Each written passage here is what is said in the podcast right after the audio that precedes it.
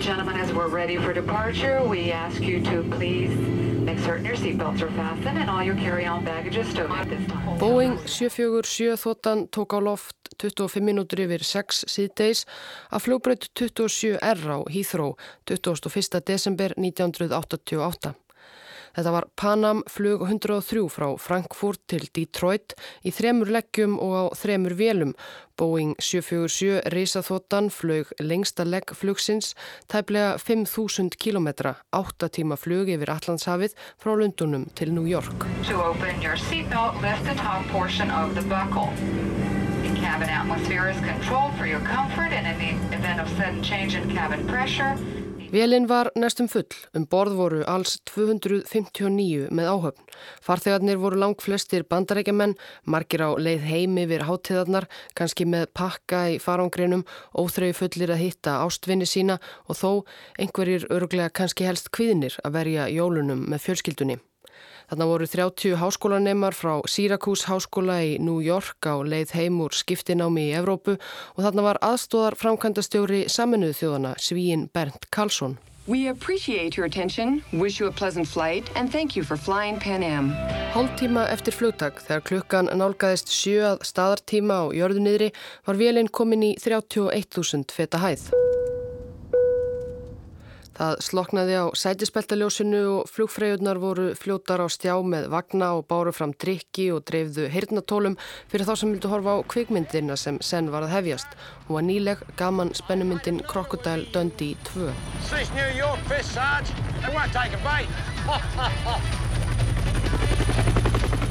Crocodile Dundee 2 Inn í flugstjórnarklefanum sátu flugstjórin James McQuarrie, 55 ára og aðstórflugmaðurinn Ray Wagner. Báðir voru þöl reyndir og höfðu verið lengi hjá Panam því heimsþekta bandaríska flugfélagi. Um það byl sem Crocodile Dundee 2 var að hefjast voru þeir að tengja sig við flugturnin í Prestwick skamt frá Glasgow og bjóða goða kvöldið. Þeir voru komnir yfir í skoska lofthelgi og hraðri leið að Allandshafi. Tvær mínútur og 50 sekundur yfir sjö heyrðist torkennilegt hljóð í flugstjórnarklefanum ef markam á upptöku flugritans sem var rannsakaður síðar. Ef markam á upptökuna brúðust Makvarri flugstjóri og voknir aðstóðarflugmaður þó ekki á neittnátt við hljóðinu. Nýja heldur voru þeir eða aðrir úr áhafn Panam flugs 103 í nokkru frekara sambandi við flugturnin í Prestwick á jörðunniðri í Skotlandi. Skoski flugumferðastjórin sem örfa á mínútum áður hafði heilsað bandarísku flugmönnunum kurteislega og bóðið gott kvöld, sá einmitt þá, tvær mínútur og 50 sekundur yfir sjö, nokkuð ótrúlegt á skjánum fyrir framann sig. Litli græni punkturinn sem táknaði Panam flug 103 á skjánum brotnaði upp í þrjá punta og svo fimm sem færðust í allar áttir. Flugumferðastjórin hafði aldrei séð nokkuð þessu líkt. Hann reyndi að kalla aftur til Panam-vélarinnar en fekk ekkert svar. En nokkur síðar kallaði til hans flugmaður í British Airways flugi frá London til Glasgow.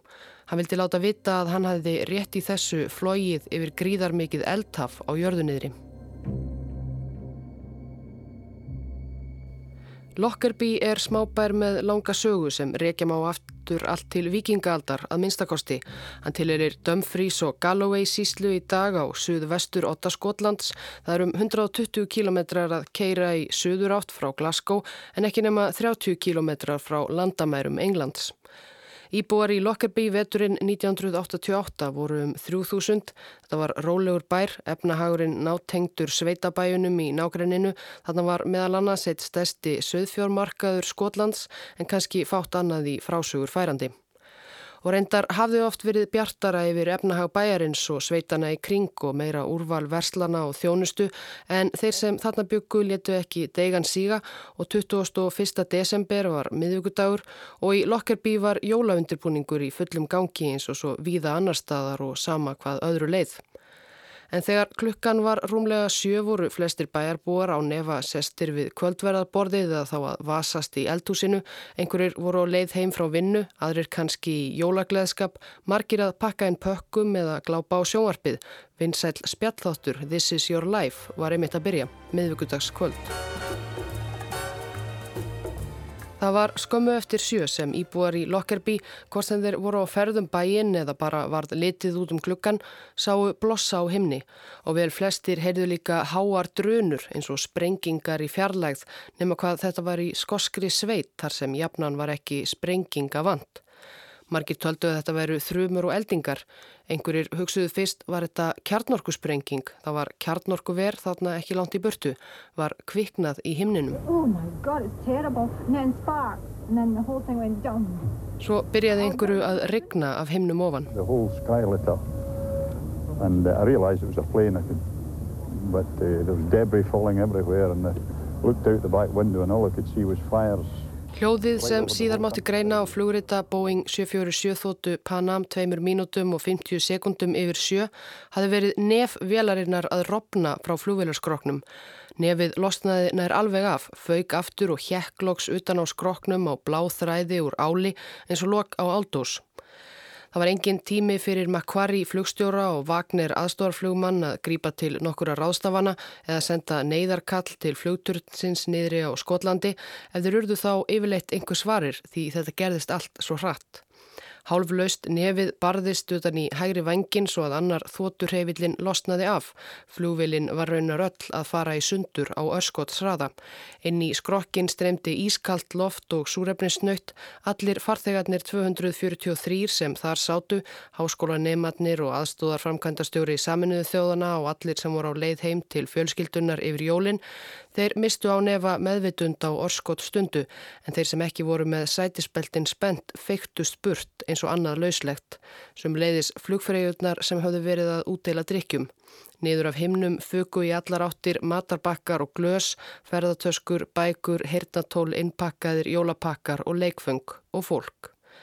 Það sem eftir var af vélinni þaut áfram í gegnum heiminn-loftin skáhalt niður í móti þegar vélinn var örfáum andartökum síðar komið niður í 19.000 feta hæð eða tæplega 6.000 metra í öllu súrefnisríkara andrumsloft, rönguðu einhverjir farþegana aftur við sér og greipu í hendunar á sessunautum sínum, móðir þrýsti ungabarni sínu fast að sér og aðrir læstu lofunum um róðukrossa og talnabönd.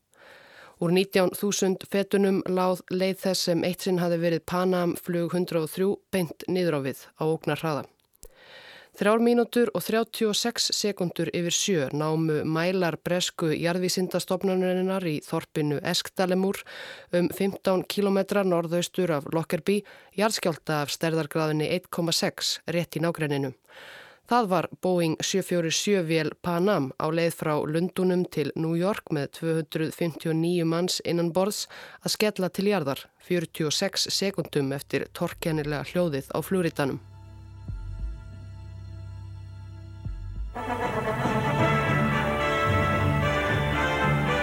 Good evening. There's been a major air crash tonight near the Scottish border.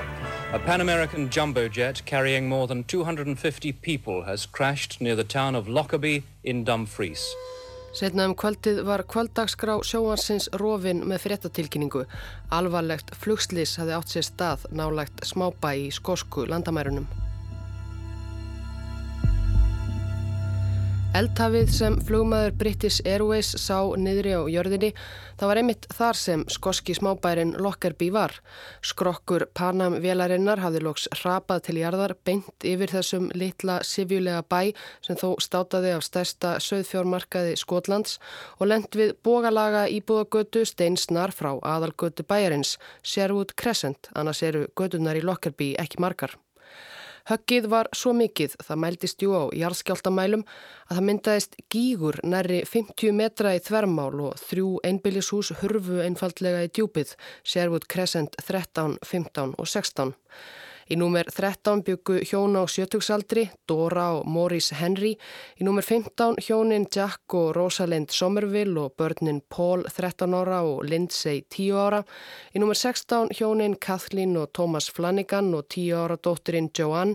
14 ára drengurinn Stephen var í heimsókn hjá nágranna að gera við hjólið sitt og konst í lífsaf en annars letuðu öll lífið í búatnir við Sherwood Crescent 13, 15 og 16 eflaust á örskot stundu eftir að flugvélinn hrundi á heimilið þeirra og lík þeirra flestra fundust aldrei, svo mikil var eðleggingin. Boeing 747 risaþóttan var á leið yfir Allandshafið. Hún var hlaðin 90.000 kílóum af þóttu eldsneiti til ferðarinnar og þegar það skall allt á íbúðakverfinu í Lockerbie varðum leið til gríðarlegt bál sem glifti í sig mörg hús til viðbútar við Sherwood Crescent. Tveir aðrir íbúar við götuna letu lífið eða alls 11 bærbúar. Bálið logaði enn þegar fréttamenn komu á vettvang mörgum klukkustundum síðar og vittni og viðbræðsaðilar lístu þessu eins og sönnu helviti.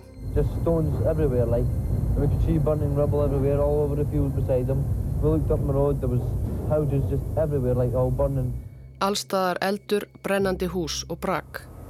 Dozens of houses were set ablaze as flaming wreckage rained down from the sky without warning. Bæjarbúar í Lockerbie þurftu auðvitað sjálfur út á götur. Lengi vel var algjör ringulreið. Engin vissi hvað gerst hafði nema hvað það logaði stórbál yfir bænum lág stæk bensínlikt og þrjú íbúðarhús við Sherwood Crescent voru horfin af yfirborði jarðar.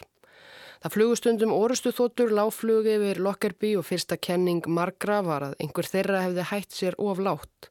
En svo greindu menni gegnum myrkrið á túni fyrir utan bæin það sem greinilega var nefið á Boeing þóttu, stærstu farþegaflugvil heims. Þá var ljóstað slísið var öllu alvarleira og þegar fólk hætti sér út til að aðtuga hvað væri eiginlega ske, hvað þessi sprenging hefði verið og hvar logaði og sá dáið fólk liggja í gardinum en spennt niður í flugsætin. Það ringdi inn símtölum til lauruglu og slökkuliðs, bærin logaði og það hafði ringt líkum. Um borði vélinni voru 243 farþegar frá 21 þjóðríki, vel flestir þó bandaríkjaman 190 og brettar 43, 16 manna áhöfn. Allir um borð letu lífið, alls 259.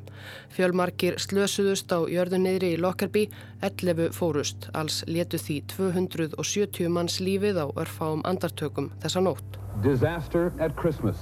Pan Am 103 never makes it home. Málið varðað sjálfsögðu að heimsfrétt strax um nóttina. Á meðan barist var við logana í Lockerbie fengu ansi margar fjölskyldur Vestanhafs að frétta að sínir og dætur, sistur og bræður kæmu ekki heim fyrir jólinn og aldrei meir. No contact uh, prior. Á bladamannafundi ekki löngu eftir slísið hafði talsmaður Panam lítið að segja. Það var engin leið að segja hvers vegna vélinn hafði rapað brennandi niður af himnum. Það var ekkert sem bendi til tæknilegra vandkvæða með vélina. Hún var 18 ára gömul en reglulega yfirfarin og ekkert annað aðhugavert. Það var endar ekki alveg rétt hjá talsmanni Panam. 16 dögum fyrir eldtafið í Lockerbie, 5. desember 1988, hafði sendir á því bandaríkjana í Helsingi borist torkennilegt símtal. Maður með arabískan hreim var hinum einn á línunni og saði að palestínskir hriðiverkamenn ætluði sér að sprengja í loft upp Panam flug frá Frankfurt til bandaríkjana á allra næstu vikum. Finnsk kona myndi óavitandi bera sprengjuna um borð. Í kjölfarið var viðvörun sendt út í gegnum bandaríska utaríkisráðuneytið til sendiráða og flugvalla um allan heim að hafa augun opinn fyrir dularfullum ferðartöskum og grunnsamlegum finskum konum. Þegar aðtöðað var síðar hvort að viðvörurinn hefði borist öryggisvörðum á flugvellinum í Frankfurt þaðan sem Panam flug 103 lagði af stað 21. desember 1988 kom í lósað brefið með viðvöruninni var neðst í bunga af óopnuðum pósti. Flugslýsið yfir Lockerbie var það mannskæðasta í breskri sögu. Rannsóknin sem tók við átti eftir að verða einhversu umfangsmesta í sögu Breitlands en hún fjall þó í fyrstu í hlut lauruglunar í Dumfries og Galloway sem var fámennasta lauruglulið landsins. Smábæjar lökunum þar barst reyndar fljótt liðsauki frá Lundunum og frá bandarísku alríkislauruglunni FBI og leinithjónustum begja landa, bandaríkjana og Breitlands. Lockerbie var lítill bær en vettvangur rannsóknarinnar var samt gríðar stór. Brakur velinni hafi dreifst um allt. Lóreglan fekk hermenn til liðsvið sig og í hópum kemdu þeir bæin og nágræni, tún og agra og skóa. Alls söpnuðu þeir fjórum miljónum hluta af öllum stærðum og gerðum. Hver ögn var sett í plastpoka og flokkuð, brakið, sviðið og íllafarið var svo flutt í flugskíli þar sem sérfræðingar rannsóknarnemdar flugslýsa í Breitlandi reyndu að púsla þeim saman í eitthvað sem líktist Boeing 747. Innan um allt þetta fundu rannsakendur auðvitað einnig lík og líkamsluta. Allir farþegar og áhopnarliðar 259 talsins höfðu verið taldir af strax í byrjun þegar fréttist af málsatvikum. Líkin voru mis ítla farin, fór eftir því hvar þau sátu í vélinni og hvar þau höfðu lent á jörðunniðri, sum höfðu tæst í sundur. Önnur voru í heilu lægi í flugsætum sínum, þannig var hægt að áleikta síðan meirað farþegum hefði að minnstakosti gefist tóm til að grýpa um krossana sína á talnaböndin á leðinni niður. Flugvelar falla yfirleitt ekki af himnum ofan að ástöðu lausum. Vika var liðinn frá hörmungunum í Lockerbie þegar rannsakendur treystu sér til að fullir það eftir að hafa greint ímis efni á brakinu, stóru og smáu að í vélinni hefði verið sprengiefni. Sprengjusérfræðingar FBI fóru yfir farangursrýmið og fundu ummerki um Semtex, plastsprengiefni sem þá var framleitt í kommunistaríkinu Tjekkoslovakíu. Það var þá nokkuð vinsælt meðal misindismanna því það þótti erfitt að greina, vakti ekki mikla eftirtekt til dæmis við öryggiskoðun á flúöllum. Hafði einhver taskan í farangursrýminu og Panam flugi 103 verið full af sprengiefni. Við yfirferð skosku, lauruglu og hermannana á túnum og skóum í nákrenni Lockerbie höfðu fundist ótal brot og tæjur úr ferðartöskum, farangri farþegana sem tættist upp á hraðri leið flugveilarinnar til jarðar farið var yfir þetta allt. Á brotum úr hardri brútni Samsonite tösku fundust langmest ummerki sprengiefnisins tjekkoslovakíska svo að rannsagendur treystu sér fljótt til að fullir það að sprengjan hefði verið í þeirri tösku. Með frekari efnagreiningu fundu þeir líka ímsa muni sem hafðu líklegast verið í töskunni með sprengjunni. Meðal annars svarta reglíf, tæjur úr ímsum fatnaði, Tvær herraskirtur, mislitar, köplóttar buksur, brúna ullarpeisu, ljósbrún náttfött, jakka með síldarbeinsminstri og buksur við, stærð 34 að merkinu Jorki og bláa samfellu fyrir unga börn sem ennmátti greina á miðan, þar stóð Made in Malta. Og annað fannst sem efnagreining tengdi við Samsonite töskuna og tjekkoslovakíska sprengiefnið. Sviðið brak úr því sem eitt sinn hafi verið rafluðu knúið útvars og kassetutæki Toshiba SF-16. Þetta vakti aðtikli rannsakenda. Það voru ekki nema tveir mánuðir síðan vestur Þíska lauraglan hafi gripið í þarlendri borg sellu palestínumanna með ímsan vopnabúnað þar meðal sprengju sem var falin inn í áþekku kassetutæki emitt af gerðinni Toshiba.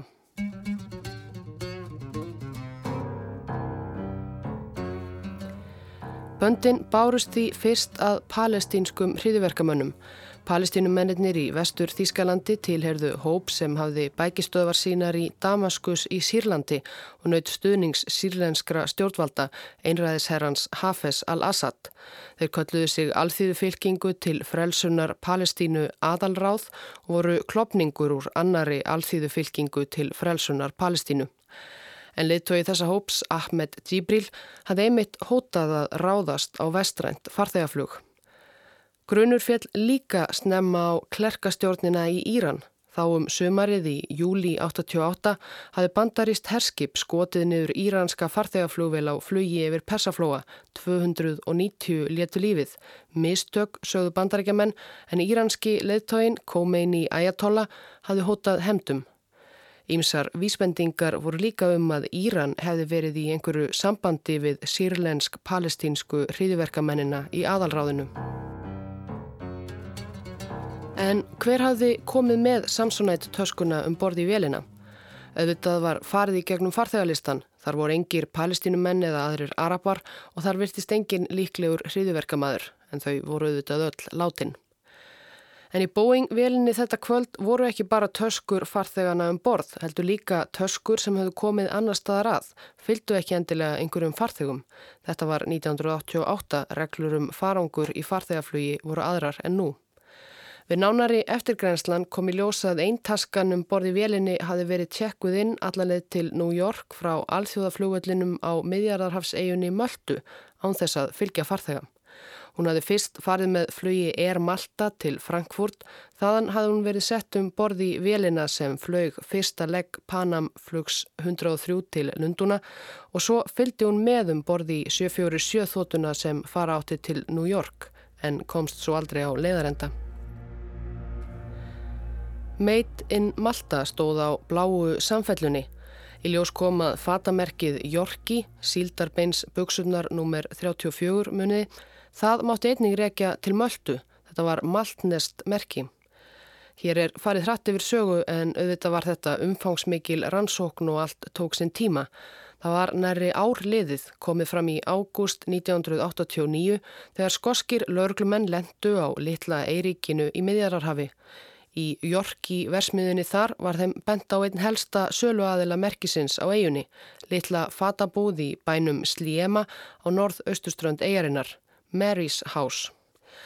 Það reyndist engin Mary ráða þar ríkjum. Bak við búðarborðið fundu lögurklumennir hálf 50 mann að nafni Tony Gausi sem rak búðina með bróður sínum Pól.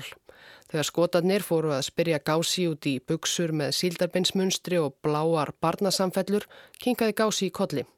Jú, hann myndi eftir þessu. Síðasta vetur hafi komið til hans skömmu fyrir lokun undarlegur kunni sem virtist ekkert hugsa út í það sem hann var að kaupa fatnað sem virtist ekki passa á hann og hendaði engan vegin loftslæginu á möldu þó það hefði verið komið fram í desember. Hann kefti þykka ullarpeisu og buksur og frekar ljótan tvítjakka með síldarbeinsmunstri sem Tóni Gási hafi verið lengi að reyna að losa sig við og döð fegin að losna við. Þó reyndar vakti aðtikli hans að jakkin hlaut að vera aðeins og lítill á kunan. Svo kefti hann barnafött að auki. Það var eins og hann vildi bara fylla ferðartösku af einhverju, saði Tóni Gási og með að við þessi fyrðulegu fatakaup var kannski ekki að undra að hann sem hafi selt föti í Slíema og möldu árum saman rámaði vel í útlendingin sem hafi heimsóttan nýju mánuðum eða svo áður. Jú, hann kefti líka reglíf, svarta, en það var rigning. Í þessari frásögn af sviplegum dauða 270 manna og af hriðiverkamönnum og sprengjum og einræðisherrum og hvaðina er framburður fatasölumanns í strandbæ og möldu þó eitthvað það allra umdeildast af öllu saman og hefur verið árum saman en nánar að því síðar.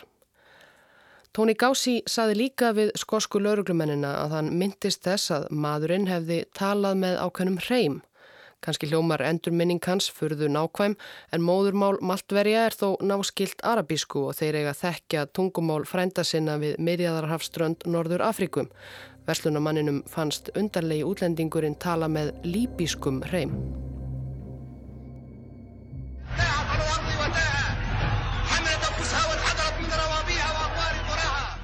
Kanski voru það palestínskir hriðiverkamenn sem þarna voru helsta gríla hins vestræna heims en ekki voru mikið skári frændur þeirra í Líbíu í því sönduga landi við miðjararhafsströnd Norður Afríku milli Allsýr og Egiptalands hafði tæplega tvo áratugi frá 1969 veriði völdtinn ódreiknanlegi stór undanlegi herfóringi Muammar Gaddafi. sem hafi tekist það að gera eigðimerkur ríki sitt sem eitt sinn hafi verið mestu afskipt á vesturlöndum að alþjóðlegu áhyggjuefni.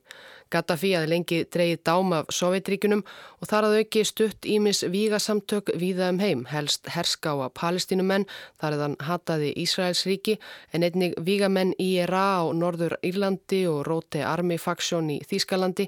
Reglan var kannski helst að óvinnir bandaríkjana og kapitalismans voru vinnir hans. Í apríl 1986 var Gaddafi sagaður um að hafa fyrirskipað sprengju árás á diskotek í vestur Berlín, vinsælt meðal bandarískra hermana þar sem þrýr dóu. Til að hefna fyrirskipaði Ronald Reagan bandaríkjafósiti sprengju árásir á tvær helstu borgir Líbju, Tripoli og Benghazi tíu dögum síðar. Með það markmiði sagt er að koma Gaddafi sjálfum fyrir Katarnef. Gaddafi eða brjálaða hundi miðausturlanda eins og Reagan kallaðan. This mad dog of the Middle East has a, a goal of a world Það tókst ekki en í einni loftárásinni særðist Gaddafi og tvekja ára dóttir hans, Hanna Gaddafi, lést. Eða það fullirti Gaddafi sjálfur í það minsta þegar á leið vöknuðu grunnsendir um að stúlkan hefði alls ekkert látið lífið heldur lifað fram á fulloninsár ef Hanna Gaddafi var þá yfirleitt einhver tíman til. Um það eru ekki allir vissir heldur. En eitt er víst að Gaddafi var ekki ánæður með loftárásir á sig og sína. Og hreimur kunnans með undarlega fatasmekkin í Mary's House var ekki eina skiptið sem Líbíu bar á góma í rannsókninni. Einn af þeim miljón hlutum sem rannsagendur týndu upp af jörðinni við Lockerbie dagana eftir hörmungarnar var brot af rafrásaspjaldi, valla stærra en nögl á barsfingri. Sérfræðingar FBI töldu spjaldið hluta af einhvers konar tímastilli og það sem meira var, það líktist mjög tímastilli sem þeir hafðu séð áður á sprengjum sem hefðu verið gerðar upptækar af líbískum leinithjónustumönnum sem hefðu verið gripnir í vestur Afríkuríkunum Tókó og Senegal nokkrum árum áður þar sem þeir hefðu ætlað að gera einhvern óskunda vafa löst að ósk leðtóan Skattafís sem var mikið fyrir að skipta sér af hinnum og þessum afrískum málefnum. Tímastillanir voru allir raktir til lítils svisnesks tæknifyrirtækis Mebo í Súrik. Annar eigandi þess hétt Edvin Bollier og er enn eina mörgum undarlegum personum í þessu flokna máli sem erfitt er að fullir það nákvæmlega hvar stóðu eða standa. En látum næja í byli að segja að Bollier hafi játað það fúslega þegar lauruglumenn yfirheyrðu hann fyrst að hann seldi vörur sína aðalega til stjórnvalda í Líbíu og skammaði sín lítið fyrir.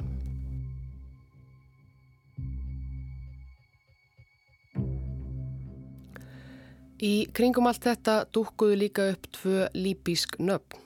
Þeir Abdel Basset al-Megrahi og Lamin Khalifa Fima unnu báðir hjá ríkisflugfélagi Líbíu, Megrahi sem öryggismálastjóri og Fima jú sem yfirmaður skrifstofu flugfélagsins á Möldum.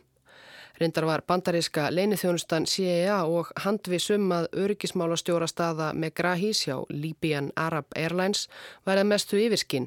Hann væri á mála hjá líbísku leinithjónustunni. Vitni, annar starfsmæður Libyan Arab Airlines, gaf sér svo fram og saðist hafa séð Megrahi og Fima báða á flugvellinum á Möldu fyrir árásuna, bauka eitthvað með brúna Samsonite ferðartöskum. Svo virtist vissulega vera að Megrahi hefði verið á möldu á þessum tíma þó á fölsku vegabrifi. Þegar lögurglumenn síndu fataverslunar eigandanum Tony Gaussi mynd af Abdelbasset al-Megrahi kannadist hann við kauða. Jú, þetta var sérvitri kunnin sem kefti síldarbeinsjakkan og allt hitt og Edvin Bollier, svisneski tækjasölumadurinn, hann reyndist líka þekkja til með Grahis. Hann hafði hittan í Líbíu í viðskiptaferðum og einu sinni hafði hann raunar leikt skrifstofurím í sömu byggingu og fyrirtæki hans, Mebo í Sviss. For three years the United States and Scotland have been conducting Allt var þetta samanlagt til þess að í november 1991, næri þremur árum eftir árásina, gáfu bandarísk og skosk yfirvöld loks sameinlega út ákjæru í málinu og hendur þeim Abdel Basset al-Megrahi og Lamin Khalifa Fima. We charge that two Libyan officials, acting as operatives of the Libyan Intelligence Service, planted and detonated the bomb that destroyed Pan Am Flight 103. Þeir voru sakkaður um að hafa myrt 270 manns með því að hafa komið sprengju sem falin var inn í kassettutæki fyrir í brútni ferðartösku og komið henni um borði flug Air Malta til Frankfurt þaðan sem hún fór svo til Lunduna og loks um borði í Boeing-vél Pan Am til New York. Talið var að tímastillirinn hafi átt að tryggja að sprengjan springi á hafjúti til að sönunargögnin hirfu öll niður í djúpið en hefði af einhverjum ástæðum farið í gang of snemma, kannski vegna þess að nokkur senkun varð á Panam fluginu í jólaösinni. Þó svo að stjórnvöldi Líbíu væru ekki með í ákerunni var það vitað kenningin að Megrahi og Fíma hefðu staðið í þessu að fyrir skipan Gaddafís til að hefna fyrir loftárósinnar á Trípoli og Benghazi 1986. Gaddafi neytaði öllu og það gerðu með Grahi og Fíma einnig og auðvitað þvert og Gaddafi fyrir að framselja þá til vesturs, þá félagana. Eftir þryggja ára umfangsmikla rannsókn var loks gefin út ákæra en svo gerðist ekkert meira um hríð. Loks í april 1999, 11 árum eftir árásina á Panam-vélina, þegar flugfélagi sjálft var lungufarða á hausin, þá gerðist eitthvað. Líbísk stjórnvöld, eða það var bara Gaddafi, hann hafði fallist á málameðlunar tilugum að senda Megrahi og Fíma fyrir dóm í hlutlausu landi Hollandi gegn því að refsi aðgerðum sem saminuði þjóðurnar beittu Líbíu eftir Lockerbie er aflétt. Réttarhöldin yrðu þó með skoskum lögum og með skoskum dómurum. Réttarhöldin hófust ári síðar á bandarískri herstöð í Hollandi og stóðu í tæft ár. Með Grahi og Fíma neituðu báðir sög og neituðu ekki þess að bera vittni fyrir dómi. Fyrir domstólunum komu í ljós ímsir vankantar á rannsókn bandarískra og skoskra yfirvalda. Vankantar sem hafa gert það verkum að Lockerbie-málið er enn í dag umdelt og blómlegur akkur fyrir samsæriskenningasmiði að plæja. Til að mynda það að Tóni Gási, verslunareigandi á Möldu, virtist ekki sérlega áræðanlegt vitni. Í 19 yfirheyslum hafði hann oft gefið misvísandi upplýsingar. Til dæmis hvenar sérvitri kunnin kom, var það seint í november eða í byrjun desember. Var rigning úti eða ekki? Var búið að kveikja á jólaskreitingunum í bænum eða ekki? Um allt þetta var gási tvísaga og hvernig leita neila út kunnin. Fyrsta lýsing sem hann gaf á útliti hans var ekki sérlega líkt Abdel Basset al-Megrahi. Hann lýsti yngri manni þó þóttist hann kannast við mynd af Megrahi síðar. Hvernig í ósköpunum gata hann svo munað svo nákvæmlega hvað hann hafi keift þennan dag fyrir löngu síðan. Einnig voru uppi sögusagnir um að Tóni Gási hefði þegið eða allavega farið fram á háar fjárhæðir í dollurum fyrir að bera vittni gegn Megrahi en það er óvist. Fyrir dómstólunum dró einnig svisneski tækjasölumadurinn Edvin Bollier framburðsinn tilbaka um að hafa selt líbjumönnum tímastilli til sprengjugerðar og saði að lauruklumenn hefðu í fyrstu yfirheyslu sínt honum allt aðra mynd af allt öðru rafrásaspjaldi. Hann kannadist í raun ekkert við það sem umrætti fyrir dómi. Þetta hafa einhverjir tekið sem vísbendingu um að FBI eða bandarisk yfirvöld væru að skálta upp sök á Megrahi og líbísk stjórnvöld af einhverjum ástæðum. Aðrir hafa velt fyrir sér hvort að Bollier hafi gugnað í réttarsal og ekki viljað viðurkenna að hann seldi um árabil tæki til sprengjugerðar til stjórnvalda í ríki sem var einn helsti óvinnur Vesturlanda og naut sjálfur góðs af. En þrátt fyrir allar evasemtir var Abdel Basset Al-Megrahi dæmtur af skoska domstólunum á bandarísku herstuðinni í Hollandi fyrir að hafa myrt 270 manns kvöldið 21. desember 1988 farþega um borði í Boeing þóttu Panam og 11 manns á jörðunniðri í Lockerbie, lífstíðar fangelsi.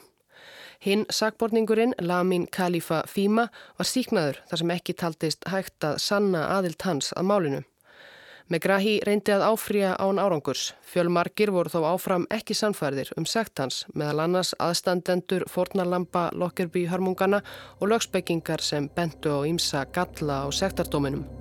Fíma fór heim til Líbíu en Megrahi í fangelsi í Skotlandi. Það eru í dag ótal samsæriskenningar um það hverjir, hvað, hvers vegna Panam flugi 103 var grandað yfir skoskum smábæ trefnum dögum fyrir jól 1988. Mér endist ekki tíminn til að fara yfir þær allar hér.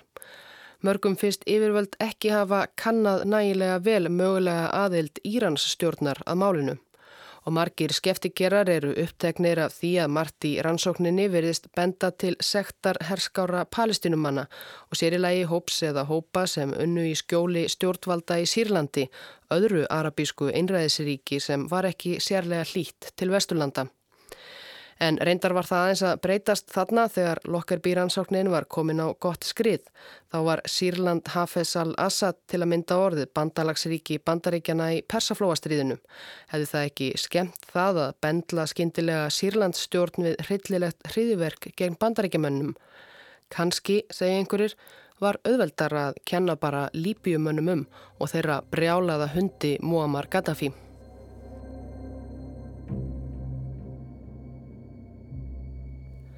Árið 2003 fjelst Gaddafi á að Líbíumenn hefðu borið ábyrð á Lockerbie og borgaði aðstandendum hinn að látnu háar fjárhæðir í skadabætur.